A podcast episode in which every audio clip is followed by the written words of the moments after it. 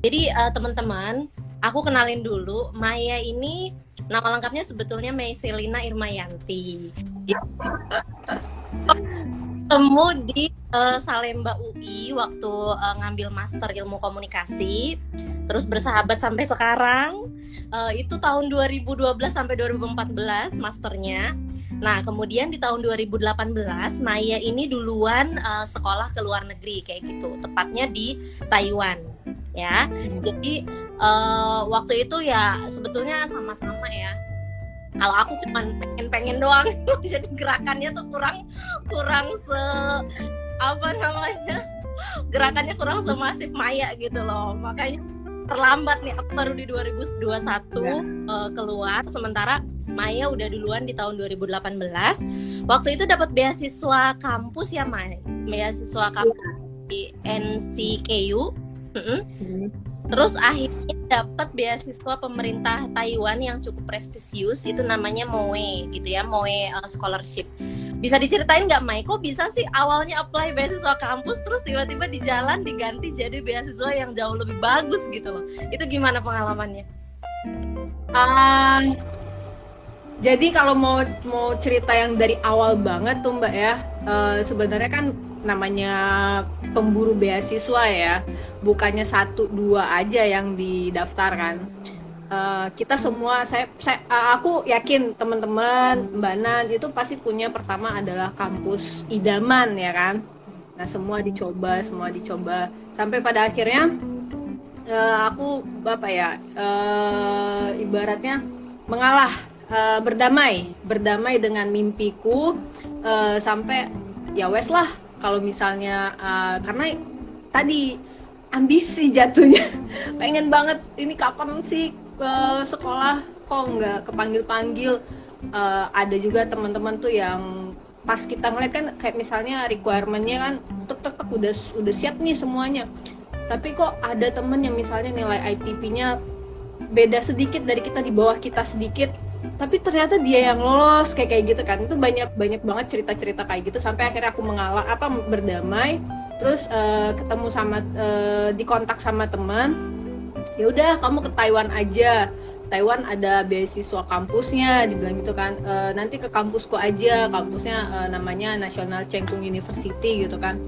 E, oh iya pak. Tapi uh, kita lihat dulu kan kalau kita mau daftar sekolah kita lihat dulu jurusannya ada apa enggak cocok apa enggak sama kita kan. Nah aku tuh uh, jurusannya adalah komunikasi seperti yang mbak bilang tadi kan.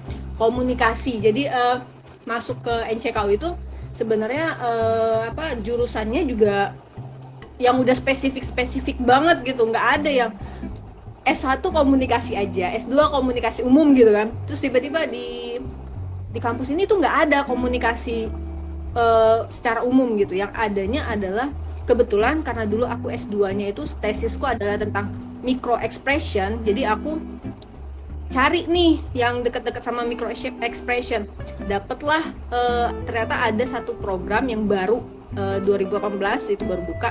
Nah aku daftar di situ dan alhamdulillah keterima. Sebenarnya nggak udah apa ya udah kayak ya wes lah uh, kayak gitu. Karena udah sering banget tolak tolak tolak tolak tolak tolak tolak. Uh, jadi pas daftar yang NCKU ini ya ibaratnya nggak ekspektasi tinggi banget. Uh, daftar sudah eh taunya dihubungin sama kampus terus disuruh milih profesor suruh milih profesor kita skypean sama profesor kan. Aku ditanya-tanya sama profesor uh, sekitar dua kali waktu itu. Setelah ditanya-tanya uh, ya udah akhirnya ya berangkat kan berangkat diterima di NCKU dengan beasiswa distinguished. Nah tiba nih tiba uh, karena beasiswa distinguished waktu itu sedang apa ya sedang jadi dari dari ada penurunan nominal waktu itu. Hmm. di 2018 penurunan nominalnya itu sekitar satu juta gitu kan. Jadi aku mau daftar lagi nih beasiswa yang di luar kampus gitu kan banyak banget beasiswa di Taiwan ini yang di luar kampus itu banyak banget. Nah, ketika aku e, mau daftar beasiswa di luar kampus itu namanya beasiswa Sinopec Bank. Hmm. Aku daftar dan aku nggak waktu itu nggak lolos gitu kan. Terus tiba-tiba dapat email dari kampus, "Selamat kamu dapat kamu beasiswanya sekarang bukan NCKU Distinguished." Panik dong. Loh, kok nggak udah daftar beasiswa Sinopek nggak nggak dapet terus dibilang e, kamu nggak daftar e, apa kamu e, sekarang beasiswanya bukan NCKU Distinguished kan? Waktu baca baca email pemberitahuan itu kayak itu padahal ada teks di bawahnya. Selamat kamu tidak dapat beasiswa distinguished beasiswamu itu dialihkan ke beasiswa elit. Hmm. mikir ngeheng gitu otak gitu. Karena baru ditolak beasiswa Sinopek terus bacanya cuma paragraf pertama itu tadi literasi. Apa ya ibaratnya kalau udah nggak fokus gitu kan jadi baca paragraf pertama doang. Ya beasiswa distinguished juga dibatalin. Terus apa nih? Taunya email yang sama itu juga dikirim ke advisor. Advisor yang ngasih selamat kan? Selamat ya Mei. Selamat apa Prof? Kamu beasiswanya dialihkan ke elite scholarship aku nggak daftar beasiswa itu prof. Sama sekali nggak daftar. Aku memang daftar beasiswa tapi aku daftar beasiswa sinopek uh, tapi aku nggak daftar beasiswa yang lain. Loh mana email kamu? Ini loh email kamu. Kamu baca deh.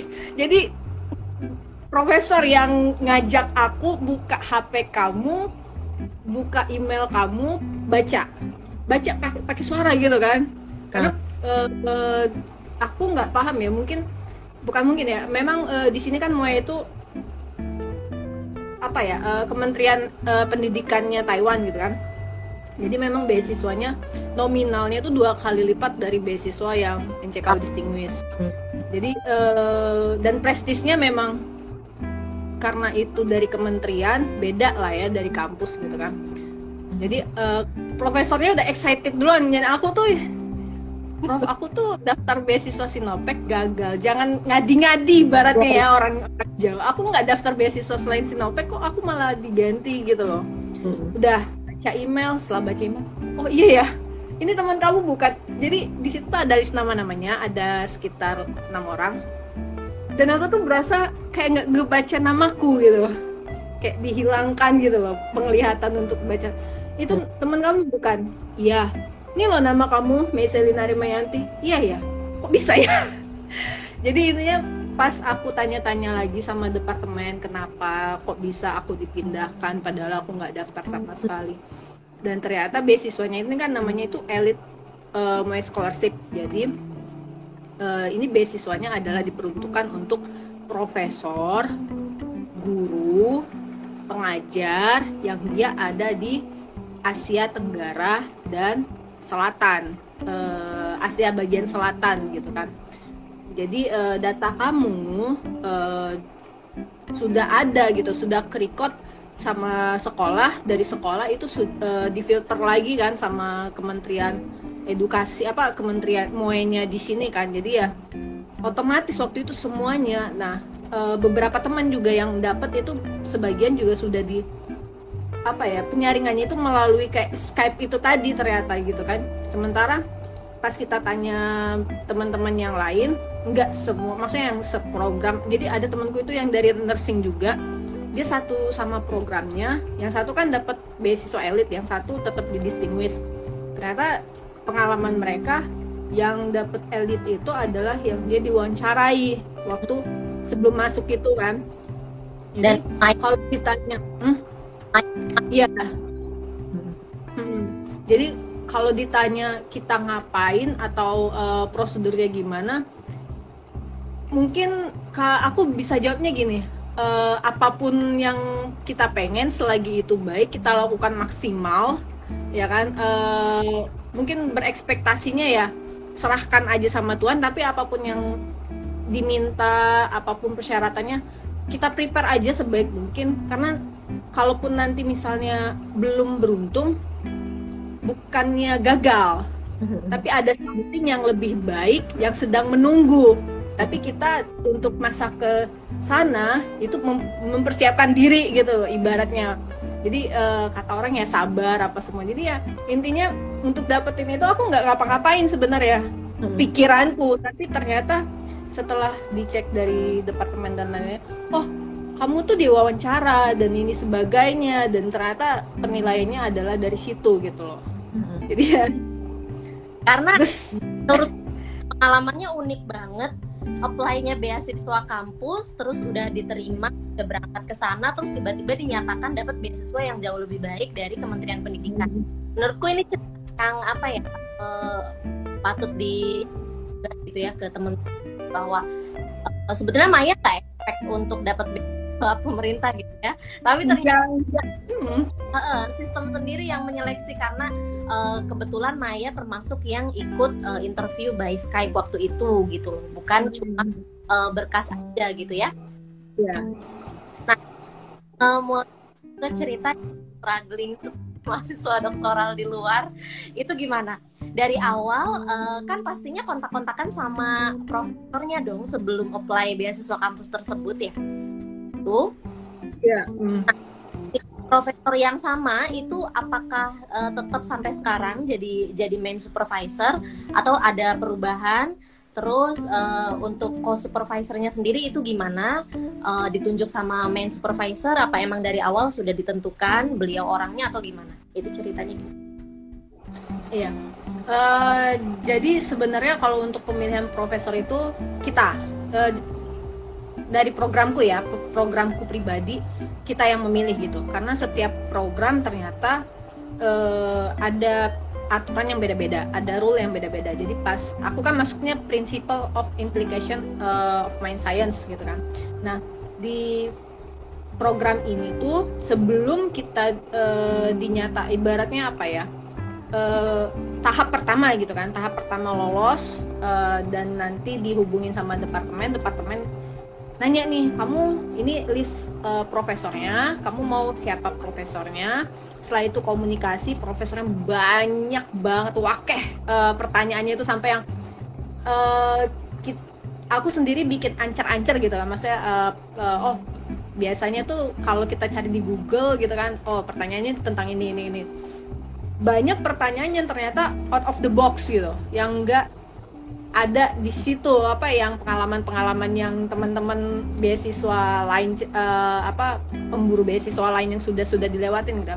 Kayak misal aku ditanya uh, kenapa uh, kamu kan kamu sudah ini uh, dia kan punya CV dan lain sebagainya gitu kan.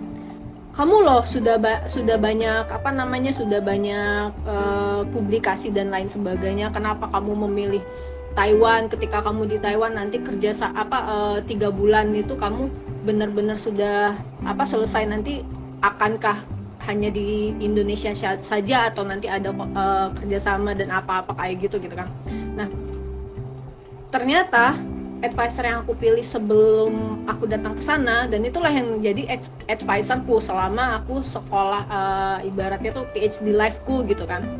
Nah permasalahannya ada bukan permasalahannya sebenarnya tantangan buat aku. Karena gini aku kan memilih uh, labnya adalah MRI MRI itu kan brand imaging.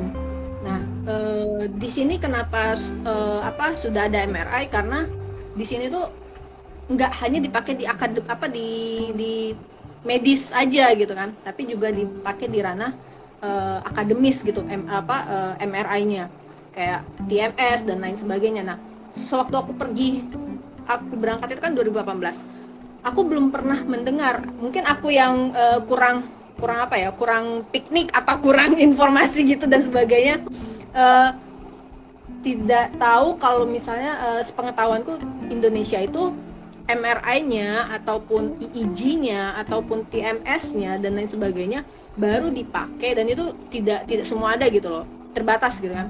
Baru dipakai untuk di tanah medis. Nah Sementara di sini dipakai untuk akademis. Jadi selama aku tiga bul tiga tahun pertama, aku memang ada di uh, profesor yang labnya uh, eh, MRI, brain imaging. Tapi setelah pro, uh, masuk ke proposal, aku pindah. Kenapa? Karena ada tantangan. Jadi uh, ditanya lagi kan, gimana nanti kamu akan ngebangun lab kamu sementara uh, pertama adalah aku di Bengkulu gitu kan. Domisiliku di Bengkulu. Kalau di Jakarta oke okay, eh, akan tapi itu juga masih akan apa ya untuk membangun untuk membeli misalnya sekolah membeli atau universitas membeli MRI terus nanti dibangun sistem dan sebagainya uh, sedemikian rupa terus nanti dipakai untuk riset dan lain sebagainya perlu perlu modal apa ya modal modal skill modal finansial modal sistem dan lain sebagainya network kayak gitu kan. Jadi akhirnya kita berembuk uh, dan akhirnya oke okay, kamu kan sudah sampai di penelitian tahap pertama di MRI kamu sudah tahu bagaimana gitu kan.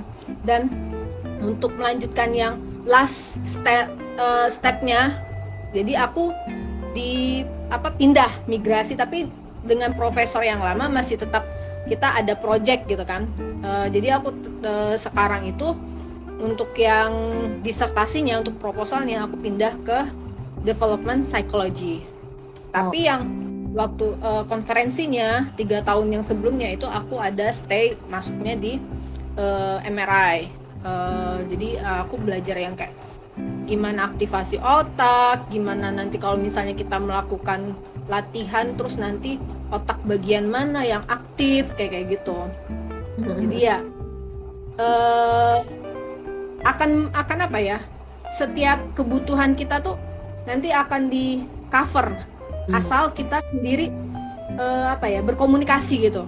Jadi kan uh, mau sekolah di mana aja di mana aja sebenarnya kan uh, bisa di apa ya bisa dipenuhi kebutuhan itu. Jadi profesorku waktu itu karena dia nanyanya ya out of the box gitu kan. Kamu kamu di mana Bengkulu itu? Jadi itu aku mempersiapkan pertanyaan yang kayak misalnya tiga tiga tahun atau tiga bulan uh, nanti apa ya uh, rencananya planningnya apa gitu kan setelah selesai. Lima bulan uh, apa setahun gimana tiga tahun gimana tapi yang ditanyakan kamu tinggal di mana? Tinggal di Bengkulu. Langsung dong kan itu waktu itu pakai apa pakai Skype. Langsung dicari di apa di kom, di PC-nya uh, eh, Profesor. Bengkulu. Nulisnya jangan Bengkulu aku bilang. Bencolen. Oke okay, dia pokoknya kayak gitu kan. Wah ini di mana ini? Emang ada MRI gitu kan? Jadi di situ uh, sudah mulai apa ya ngelihatnya ke depan gitu kan. Jadi nggak nggak hanya melihat kamu hanya belajar di sini tidak. Tapi apa yang akan kamu berikan kontribusi ke sana. Jadi dari situ kita disiapkan. Kita sendiri yang disiapkan untuk uh, kamu tidak hanya untuk diri kamu tapi juga untuk orang-orang gitu loh. Untuk orang-orang di sekitar kamu. Dan kamu juga kan uh, guru. Jadi kamu juga harus bisa apa ya berkontribusi untuk siapa yang nanti akan uh, jadi partner kamu dalam keilmuan gitu kan? Yeah. teman-teman masih muda lain sebagainya gitu. Jadi ya intinya untuk kehidupan PhD aku di sini tuh complicated banget.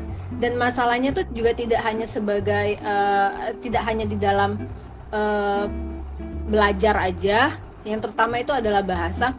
Cuma semuanya ketika itu dikomunikasikan dengan advisor dan departemen dan uh, dan semua pihak yang ada di dalam sekolah kita itu mereka sangat membantu.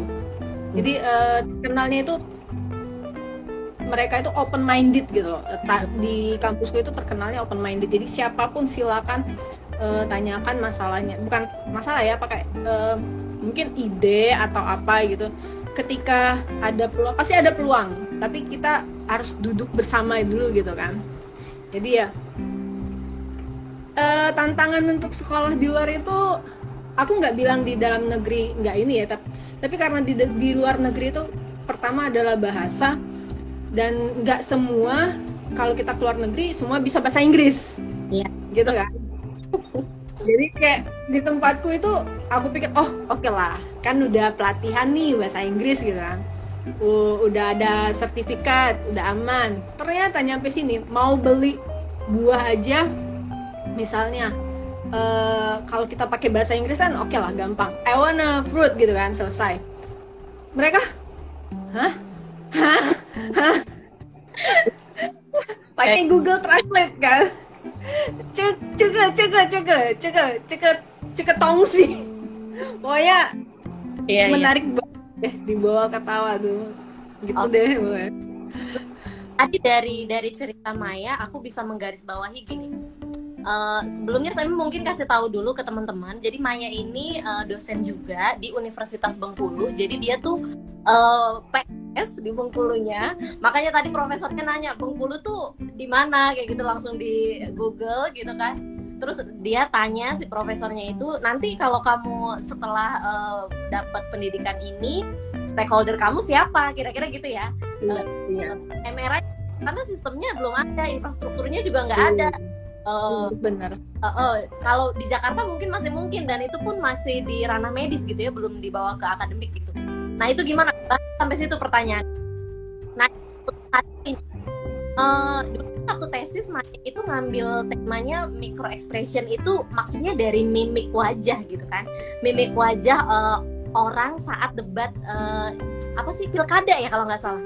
Bener nggak sih tesis uh, presiden Oh, eh pilkada, pilkada. Ya punten, pilkada, bener-bener Mbak, bener. Pilkada Jakarta, DKI ya, Jakarta. Kamu tuh, aku inget banget dulu tesismu tuh tentang uh, ekspresi orang saat debat di uh, forum uh, pilkada. Pilkada. Uh, apa Jakarta. Itu kan masih ranahnya ilmu komunikasi yang social science kental gitu kan. Nah, terus tiba-tiba ketika nyampe Taiwan, kamu main RI itu tuh sebetulnya nanya neuroscience bener nggak? Iya ya, benar. Jadi tentang, tentang apa otak itu nah aku tuh sampai ngebayangin itu Maya jugglingnya gimana ya? Terus menyesuaikan diri kayak gitu-gitu.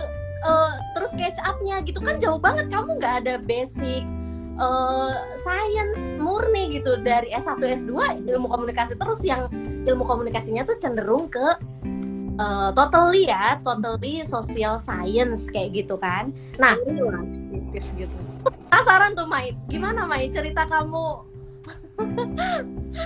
Nano-nano ceritanya. jadi ya tahun jadi sebenarnya aku mau cerita sedikit uh, sebenarnya waktu aku ngeliat labnya profesoriku itu kan judulnya adalah MRI dan face recognition hmm. ya kan tapi ternyata face recognitionnya yang dikonsepkan di uh, lab labku itu lab yang kemarin dan yang aku pelajari ya, yang aku teliti sebelumnya di tesisku itu jauh berbeda. Namanya sama sama sama gitu loh identik. Face recognition. Yang aku uh, apa teliti kemarin juga kan face recognition kan. Uh, tapi kalau face recognition yang aku teliti itu adalah untuk gimana sih uh, kita mendeteksi wajah apa ekspresi wajah untuk kemudian kita uh, apa maknai hmm. sesuai dengan konteks gitu kan. Tapi saat aku melihat labku itu oh oh udah ini nih ada face recognition gitu kan. Aku ambil itu pas masuk di seminggu pertama jangan kan seminggu pertama pertanyaan profesornya aja waktu Skype itu kamu bisa Python nggak? Ah apa itu? Python ya ya betul. Bisa MATLAB nggak? MATLAB pernah dengar gitu loh. Tapi make MATLAB juga nggak. Jadi kan arahnya coding kan programming kan. Uh, terus statistik uh, apa statistik psikologi kamu kan yang yang apa ya yang kuat banget uh, kalau psikologi kan statistiknya dasar banget kan uh, dan itu complicated gitu kan dibanding waktu aku belajar di S2 gitu ya paling ya aku belajarnya aku pribadi bukan temen-temenku yang sekelas karena aku uh, menghindari jujur aja aku dari S1 sampai S2 itu sangat menghindari namanya angka. Aku penelitianku kebanyakan adalah kualitatif. Oke, aku memakai angka. Cuma itu aku memasukkan angka yang aku bisa pahami gitu loh. Enggak enggak yang serta merta aku menerapkan regresi linier apa semua enggak gitu kan. Tapi nyampe sini di minggu pertama kelasnya adalah uh, kalau nggak salah pertama itu uh, aku masuk ada Saitul Kids uh, Saitul Box ya. Uh, jadi itu nama programming salah satu programming uh, buat apa yang kita baik banyak main coding gitu kan untuk untuk bikin apa namanya untuk bikin eksperimen. Terus nanti kita juga menganalisis di uh, apa di program itu. Pokoknya semua kita tinggal masukin apa coding-codingnya nanti dia jalan sendiri analisis sendiri apa semua gitu kan. Nah aku jangan apa yang ibaratnya bikin coding uh, coding yang dasar aja yang misalnya hello world gitu kan terus nanti keluar uh, cetakannya adalah Hello World uh, bling bling gitu kan berwarna-warni gitu kan. Itu bisa satu bulan selesainya gitu kan. Itu basic banget. Itu satu bulan aku selesai dan itu tuh bukannya satu jam satu hari enggak. Sampai uh, apa ya awal-awal itu tuh waktu seminggu pertama tuh temanku lihat aku Mei kamu kok kurus? Ibarat itu makan tuh jadi uh, awal-awal kan aduh kayak emang tiga bulan pertama tuh bener-bener yang stres banget stres banget dan aku juga uh, belajarnya tuh yang hah jadi beda ya face recognition yang aku ambil ini ternyata ngomongnya adalah bukan yang teoritis tapi ini programming aku harus belajar coding ya Allah coding aku nggak paham gitu kan. Ya wes akhirnya aku uh, mau nggak mau kan karena udah nyemplung di situ kan belajarlah coding gitu kan. Dan di sampai 2 tahun sebenarnya aku yang aduh uh, bener-bener coding itu uh, luar biasa banget susahnya. Sampai sekarang pun masih gitu kan. Cuma setelah kita tahu gitu setelah kita bisa menarik gitu. Sebenarnya uh, apa pun apa pun dalam dalam dalam bidang social science ya kalau di sini tuh social science pun mainnya coding gitu.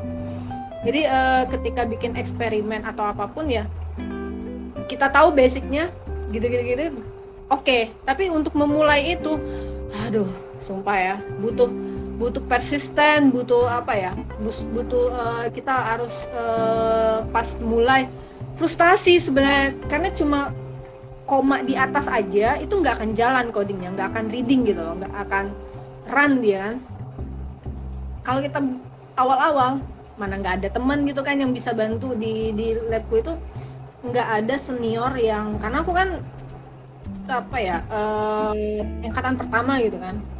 Udah gitu nggak bisa ngomong bahasa Inggris lagi anak-anak lab S2 undergraduate nggak bisa ngomong bahasa Inggris kan. Jadi kalau ngomong uh, puhawise.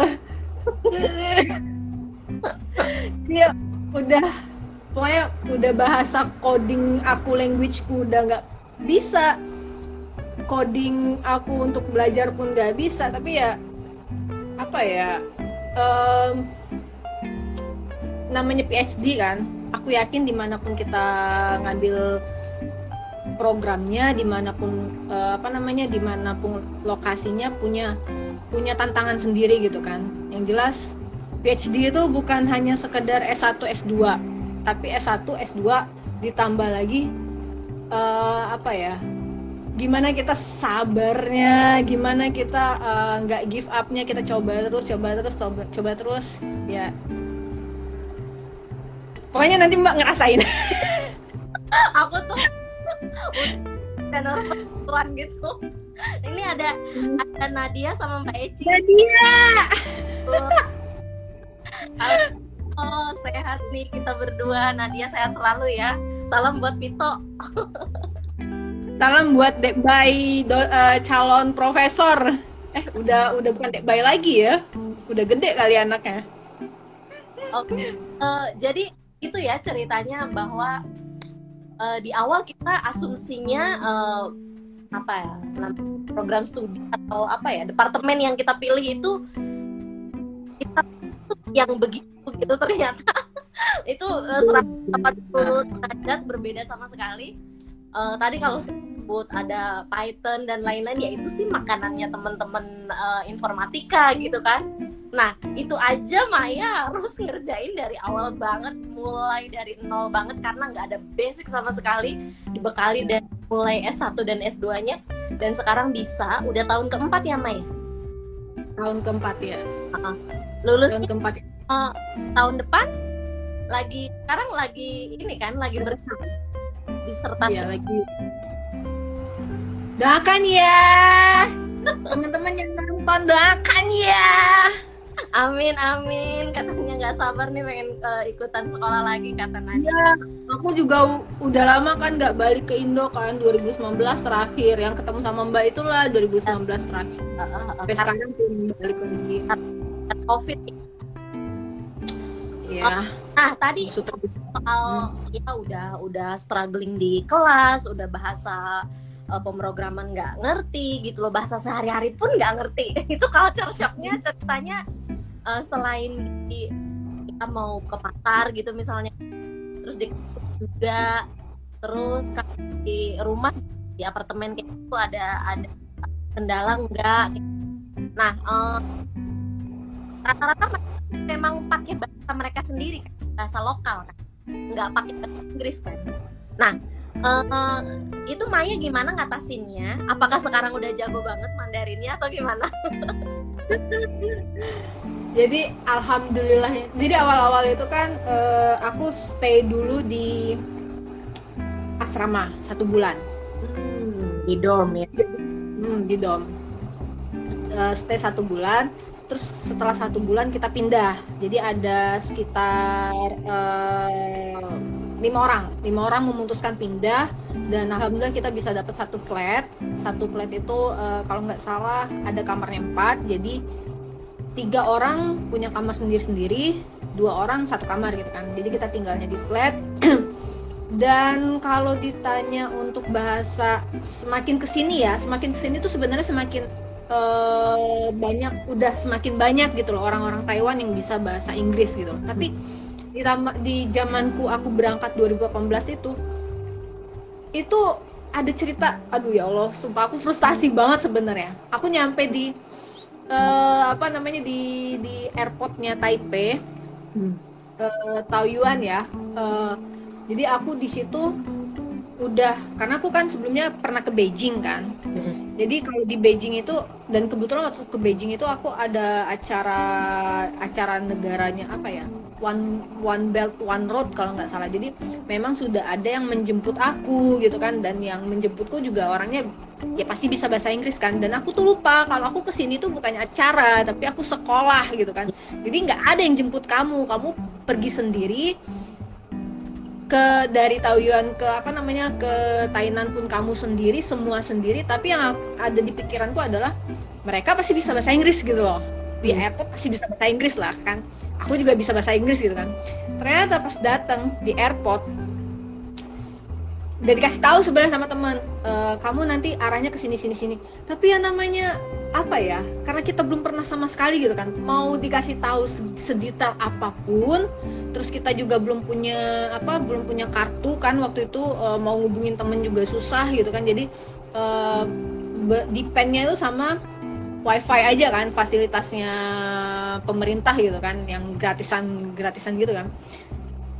Susah bang mau nyari where is the bus station? Kayak gitu kan. Udah pelan pelan where is bus station? Mereka panjang banget jawabannya. Aku nggak paham apa yang mereka omongin gitu loh. Mereka ngomongnya bahasa Chongwan kan bahasa Mandarin kan. Langsung panik.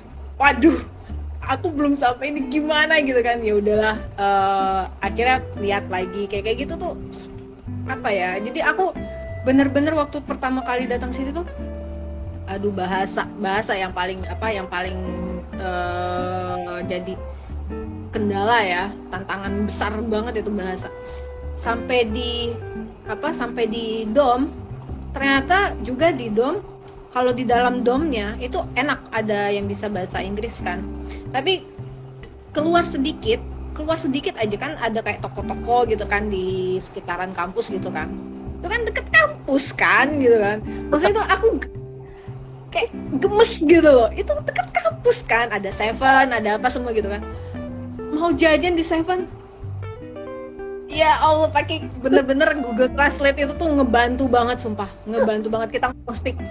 Uh, kayak misalnya tanya har, uh, tanya something yang nggak ada gitu kan nggak kita bisa lihat kan mana ini gitu kan terus ditranslatekan ke Chongwon terus diliatin hah? Kadang kan Google Translate juga kayak semena-mena apa ya kayak asal gitu loh ngertiin gitu kan.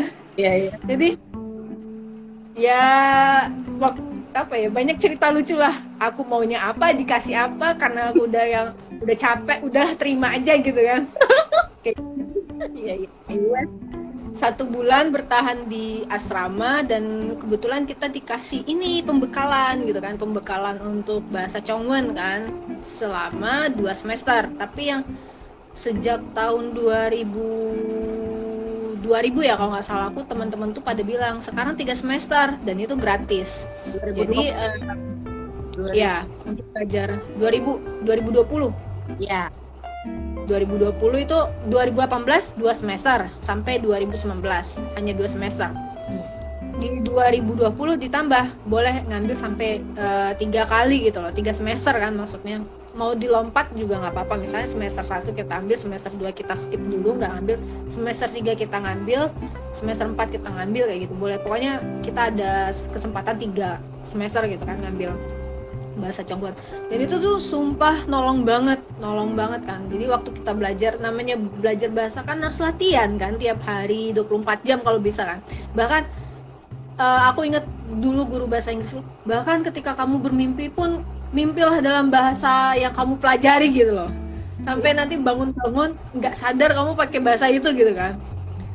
Jadi uh, kelemah apa ya kesalahanku waktu itu adalah aku ngambilnya di semester 1 semester 2 aku nggak ngambil stop. Hmm. jadi oke okay, waktu aku belajar di semester 1 aku bisa sedikit sedikit pergi ke pasar gitu kan.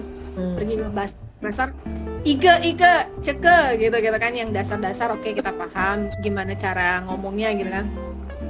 Tapi setelah apa setelah uh, setelah semester 1 aku stop dulu karena padat banget semester 2 nya kan semester 2 nggak ngambil sama sekali yang simple banget itu hilang. Udah bablas. Nah sekarang kalau ditanya gimana bahasa kamu bablas dong.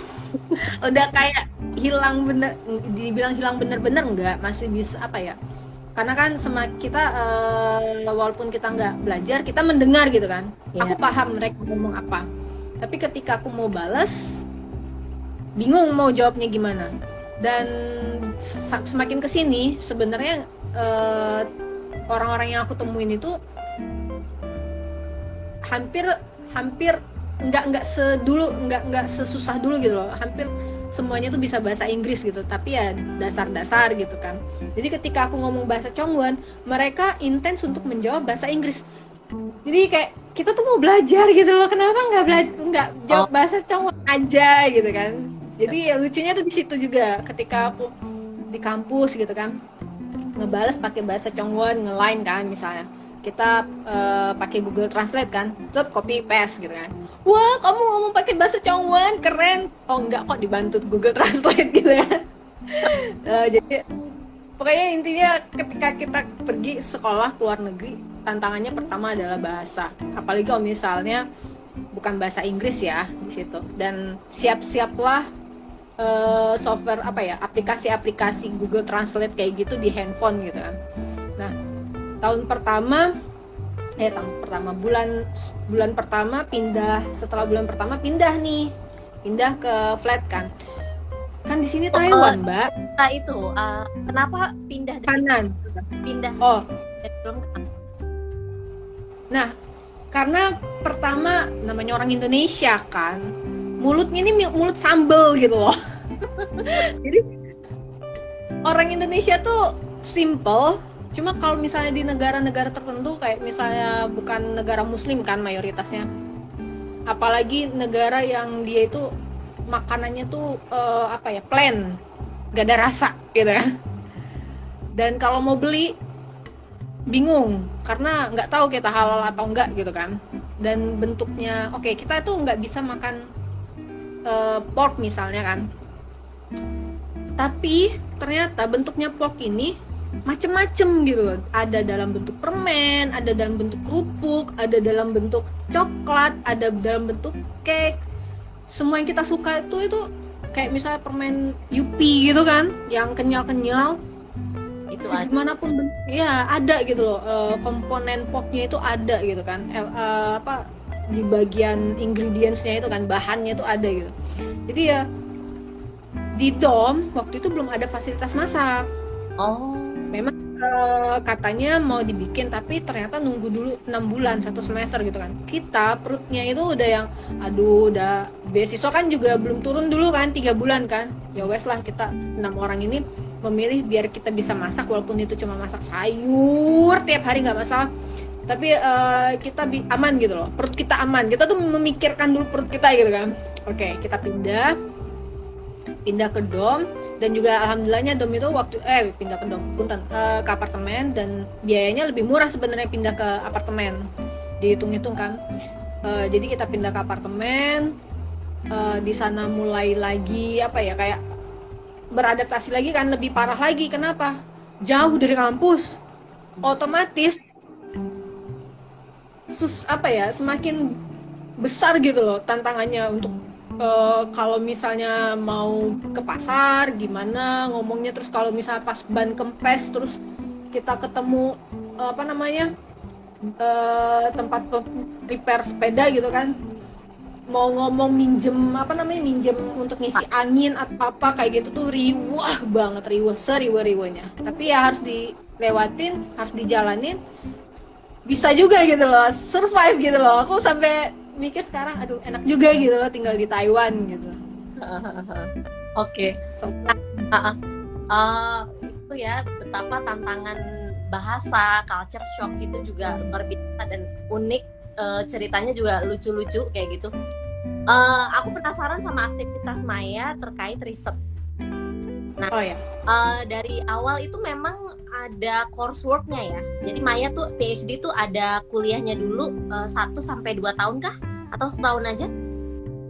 Uh, SKS uh, oh. ininya oh. apa? Uh, uh, pa patokannya ke SKS. Berapa? Ke mata kuliah. Jadi waktu itu 20 kreditnya. Mm-hmm. Nah, sebenarnya kan kalau kita kalau misalnya itu paket, paket dalam ibaratnya tek tek tek tek di semester ini tuh udah jelas tuh mata kuliahnya apa aja gitu kan. Itu kan paket gitu kan. Tapi kita itu bukan paket.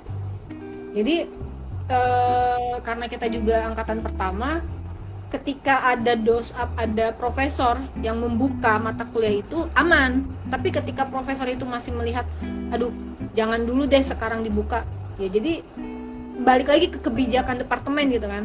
Hmm. awalnya kita uh, awalnya itu dipastikan planningnya itu tiga tahun apa dua dua setengah gitu dua dua tahun uh, satu semester gitu kan selesai kredit uh, seluruh kredit 20 kredit. Tapi ternyata ada satu mata kuliah yang dia tuh harus nunggu satu semester apa satu tahun untuk dibuka gitu kan. Jadi makanya kita baru selesai itu di tahun ketiga. Hmm. tahun ya, kemarin masih ngambil mata kuliah kan.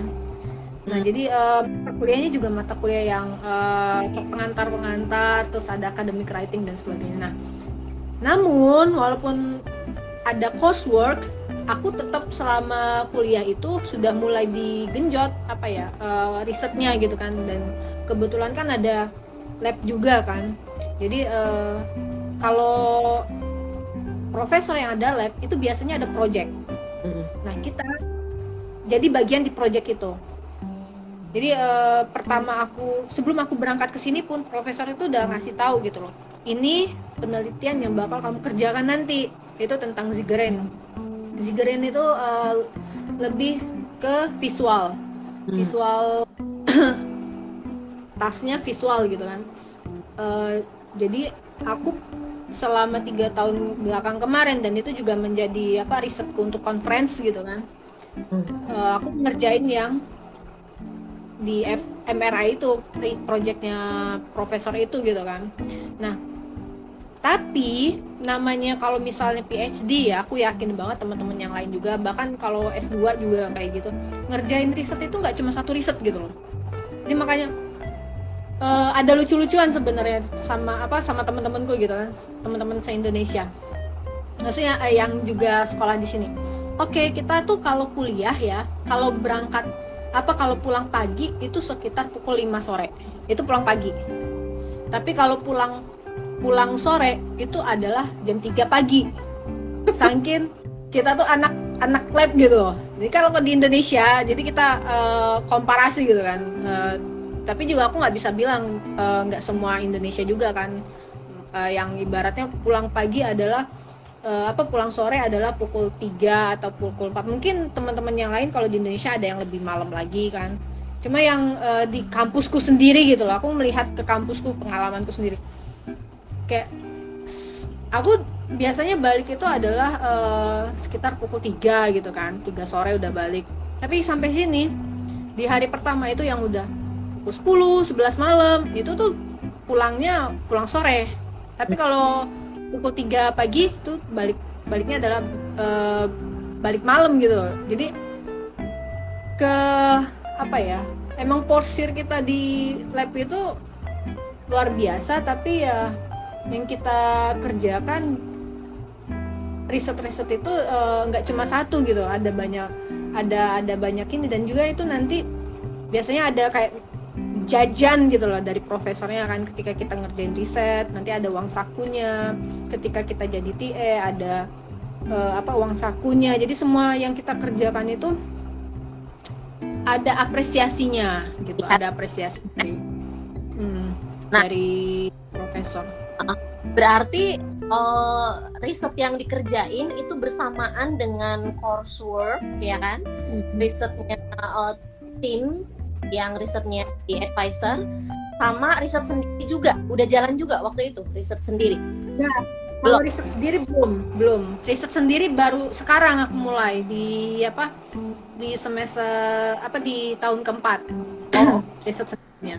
Terus ada di ada warning nggak? Kamu harus beres uh, dalam jangka waktu sekian kayak gitu-gitu ada nggak? Tapi sebenarnya ada perbedaan uh, dengan teman-temanku yang juga satu angkatan. Kenapa? Karena tadi kan kebutuhanku adalah aku balik dan MRA belum siap gitu loh di kampusku belum siap gitu kan makanya aku pindah. Hmm. Yeah, Tapi kalau misalnya aku stay apa yang aku kerjakan itu ada ada satu ada satu jadi waktu aku masuk di tahun ketiga itu ada ada proposal yang disiapkan untukku gitu. Maksudnya uh, untuk risetku gitu kan. Tapi akhirnya karena aku mem memilih kebutuhanku gitu. Ketika aku balik nanti sosial sainsnya uh, harus belajar lagi dulu kan. Uh, terus kognitif psikologinya belum bisa diterapkan. Jadi akhirnya melihat kondisi itu aku pindah gitu kan. Dan ini enggak serta merta stop masih kita kerjain gitu kan. Jadi karena aku pindah untuk apa riset akhirku disertasiku akhirnya aku mengulang di apa proposalnya itu mengulang totally ngulang. Makanya di semester baru aku mulai lagi di, di tahun keempat gitu kan. Nah eh, selama tahun keempat itu ya sekarang kan masih masih ngerjain juga kan.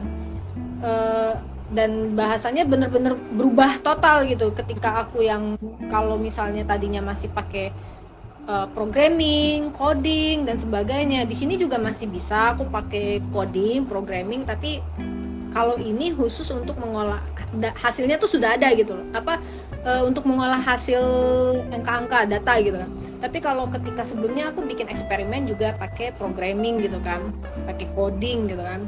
Terus nanti uh, nganalisis datanya juga pakai coding. Sementara ini nanti uh, oke okay, nganalisisnya doang gitu kan di dalam programming gitu kan.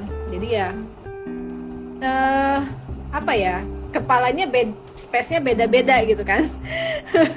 Pecah gitu dibagi. Uh, berarti betulnya kalau misalkan kamu mau nerusin yang MRI itu bisa aja lebih cepat gitu karena kamu bisa menulis uh, disertasi itu sesuai dengan apa yang kamu kerjakan sebelumnya di sampai tahun itu. Cuma karena kamu memilih untuk uh, apa ya menyesuaikan diri dengan nanti stakeholder uh, kamu di Indonesia gitu kan? Uh, maka ya udah deh uh, aku shifting aja deh kalau gitu gitu ya. Maka mulai lagi dari nol. Nah yang sekarang itu tentang apa Mai? Untuk yang mau dibikin jadi disertasi itu? Sekarang itu temanya uh, karena aku alhamdulillah juga dapat advisor yang dia tidak membatasi tema. Jadi uh, karena beliau tahu aku durasinya tinggal satu tahun kan. Uh, jadi karena saya lab saya adalah tentang development psychology kamu background kamu adalah komunikasi. Jadi yang beliau lihat itu bukannya aku ngajar di mana enggak. Tapi yang beliau lihat adalah mana penelitian kamu sebelumnya gitu kan. Oh penelitian sebelumnya kan kebanyakan sosial media eh, apa namanya culture juga ada di dalamnya konten gitu kan media teks dan lain sebagainya. Akhirnya profesor tuh bilang ya wes uh, kamu tidak akan dibatasin uh, apa namanya skup untuk yang diteliti. Kata kuncinya adalah psikologi uh, sosial media culture. Intinya kamu ada Taiwan di dalamnya ada Indonesia di dalamnya. Jadi dengan itu dengan apa dengan arahan itu aku akhirnya karena aku juga biasa uh, meneliti tentang sosial media kan jadi aku ngambil ya kekini apa ya aku menganggapnya kekinian gitu loh. ketika aku melihat eh, bahasan ini itu baru ada satu dua memang sebelumnya ada gitu kan moral panic yang aku lihat itu adalah masalah kondi, eh, moral panic tapi kalau yang sebelumnya moral panic itu hanya ada di media massa yang dia media massa dalam artian eh, televisi newspaper, majalah gitu kan. Nah, se sementara kan sekarang kita uh, lebih ke media new media gitu kan. Dan kalau moral panic yang dulu itu yang memproduksi adalah media. Sementara kalau nah sekarang tuh aku mau melihat bisa nggak sih moral panic ini tuh kita pakai frame-nya adalah sosial media dalam artian new media kan. Dan kalau sosial media konten apa konten kreatornya itu yang memproduksi kontennya kan bukan lagi kalau sebelumnya itu kan yang memproduksi ya orang-orang yang di dalam media itu gitu kan jadi tidak semua orang gitu kan yang bisa punya authority gitu untuk menciptakan konten atau membuat konten kalau sekarang siapa pun asal punya handphone kan handphone mau di mana aja karena uh, namanya wifi juga udah bertebaran di mana-mana kan gratis gitu kan. Asal punya handphone yang dia punya uh, jaringan bisa apa bisa bisa masuk dengan jaringan mau 4G mau 5G mau GG berapa gitu kan. Ya udah dia bisa jadi konten kreator kan. Nah ini bisa nggak dari dia apa dari kontennya ini mengencourage uh, apa ya anxiety gitu loh. Kecemasan gitu kan itu yang sedang aku uh, itu yang bakal jadi uh, apa namanya arah buat penelitianku nanti. Jadi ya memang uh, karena profesorku juga nggak memberikan oh kamu harus ini nanti ya tentang apa namanya tentang so uh, psychology development gitu kan. Karena aku di development gitu kan psikologinya bukan kognitif psikologi lagi nih. Nggak. Jadi alhamdulillahnya ngelihat di situ dan juga ngelihat limit waktuku tinggal satu tahun ya wes kejarkan ini selesaikan ini. Uh, terserah kamu asal ada kata kuncinya itu tadi. Uh, psikologinya ada di dalam komunikasinya ada di dalam. Apa yang kamu uh, biasa kamu teliti investigasi juga ada di dalam. Dan yang paling penting ada Taiwan dan Indonesia. Pernah. jadi di, di punten suaranya nggak masuk mbak. Apa suaranya nggak masuk tadi. Oh. ulang lagi. Putus-putus. Halo? Oke okay. tidak sudah oke? Okay? ah. nah, menarik mau kamu lakukan itu adalah sesuatu yang tadinya itu di uh, hanya berlaku di media massa di media penyiaran maupun media cetak uh, dan kamu menggesernya ke kalau di new media itu seperti apa? Itu menurutku menarik yang kedua eh, tidak jadi dia tidak akan uh, dia tidak memaksakan satu kondisi tertentu gitu. Misalnya karena dia itu risetnya di bidang ini maka dia memaksakan uh, tema itu ke, ke ke mahasiswa bimbingannya kayak gitu. Itu tidak dia lakukan. Itu baik banget. Iya. Ter, uh, iya dia yeah. malah dia malah melihat rekam jejak penelitianmu selama ini gitu loh. E, dan itu itu sangat menguntungkan posisi kamu gitu. Jadi sebagai seorang yang nanti akan expert di bidang itu kamu akan apa ya kamu udah punya satu dukungan gitu loh yang yang kuat dari si supervisor kamu untuk menuju ke situ. Dan sebenarnya uh, aku beruntung banget. Ada satu kata-kata beliau itu yang uh, bikin aku karena untuk ber, mengu, apa pro, pindah profesor di tahun keempat itu tuh bener-bener resiko besar banget. Jangankan di tahun keempat sebenarnya e, ketika kita masuk aku di awal masuk face recognition gitu kan dan ternyata berbeda itu kan udah beresiko gitu kan. E, aku berani gitu maksudnya saat itu aku akhirnya memilih stay tapi tiga tahun dijalanin perkembangannya di Indonesia juga seperti itu.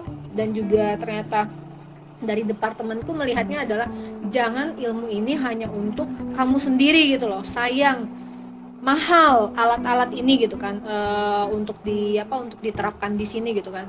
Kamu sudah belajar. Udah ada kesempatan kamu belajar. Tapi uh, nanti alangkah lebih baiknya networking itu di, diperluas gitu kan. Networking MRI kamu ada nggak hilang sama sekali tapi kamu akan bertambah networkingnya di development psychology. Jadi profesorku yang sekarang ini bawanya adalah udah jangan sedih.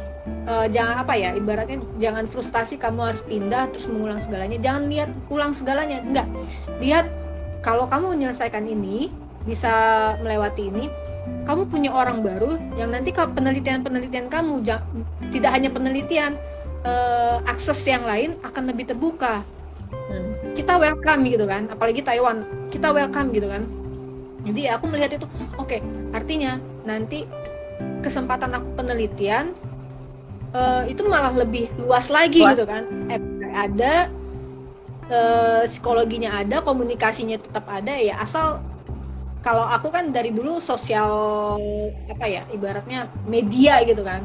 Penelitiannya tentang media. Tetap di media gitu kan. Jadi ya aku melihat itu uh, luar biasa sebenarnya. Cuma ya awalnya ketika harus memilih pindah atau me menjalankan sesuatu yang baru itu tantangan banget risiko banget.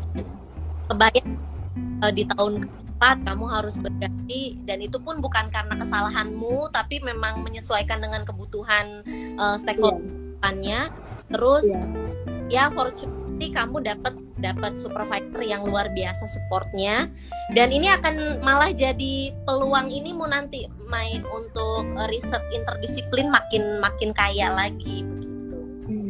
waktunya satu menit terakhir ada closing statement nggak closing statement. Uh, mungkin untuk uh, teman-teman yang cari beasiswa ya karena kan uh, sebenarnya uh, kalau cerita setelah dapat beasiswa itu pasti akan lebih beragam lagi. Jadi aku mungkin closingnya buat teman-teman yang sedang mencari beasiswa. Nggak uh, masalah kalau misalnya uh, oke okay, kita punya punya apa ya punya mimpi kampus gitu kan. Sudah kita sudah mencoba uh, bukan gagal dalam artian uh, timingnya belum sekarang. Atau timingnya bukan saat kamu sekolah. Mungkin timingnya adalah ketika kamu melakukan riset setelah selesai kamu sekolah gitu kan. Artinya apa? Berdamailah dengan mimpi. Jangan di apa jangan ketika kamu mimpinya adalah sekolah misalnya sebutkan di Harvard atau di MIT atau di mana pun tapi kamu punya limit waktu misalnya hanya empat tahun untuk mengejar itu. Tapi di tahun terakhir belum juga ini. Coba berdamai tetap uh, apa tetap coba untuk sekolah di luar negeri. Siapa tahu nanti ketika misalnya di kampus kedua gitu kan kampusnya ternyata uh, nggak di MIT atau di Oxford atau di Harvard tetangganya misalnya.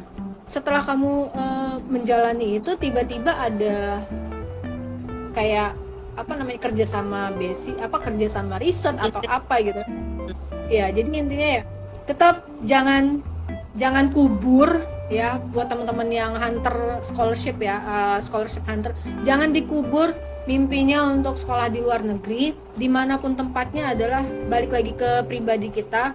Namanya sekolah itu semuanya bagus untuk membimbing kita uh, asal kitanya harus uh, apa namanya keep struggling itu aja sih ini Mbak Nani kan walaupun berangkatnya di tahun 2021 kan berangkat juga. Ya kan? akhirnya. Ya memang iya. bener ya kalau misalkan kita apa ya uh, karena ini mimpi udah lama gitu jadi meskipun lambat uh, kesampaian juga dan nggak apa-apa uh, sedikit diturunin karena uh, ngejar waktu juga. Tadi kalau ngomong Maya ngomong waktu mumpung masih bisa connect gitu.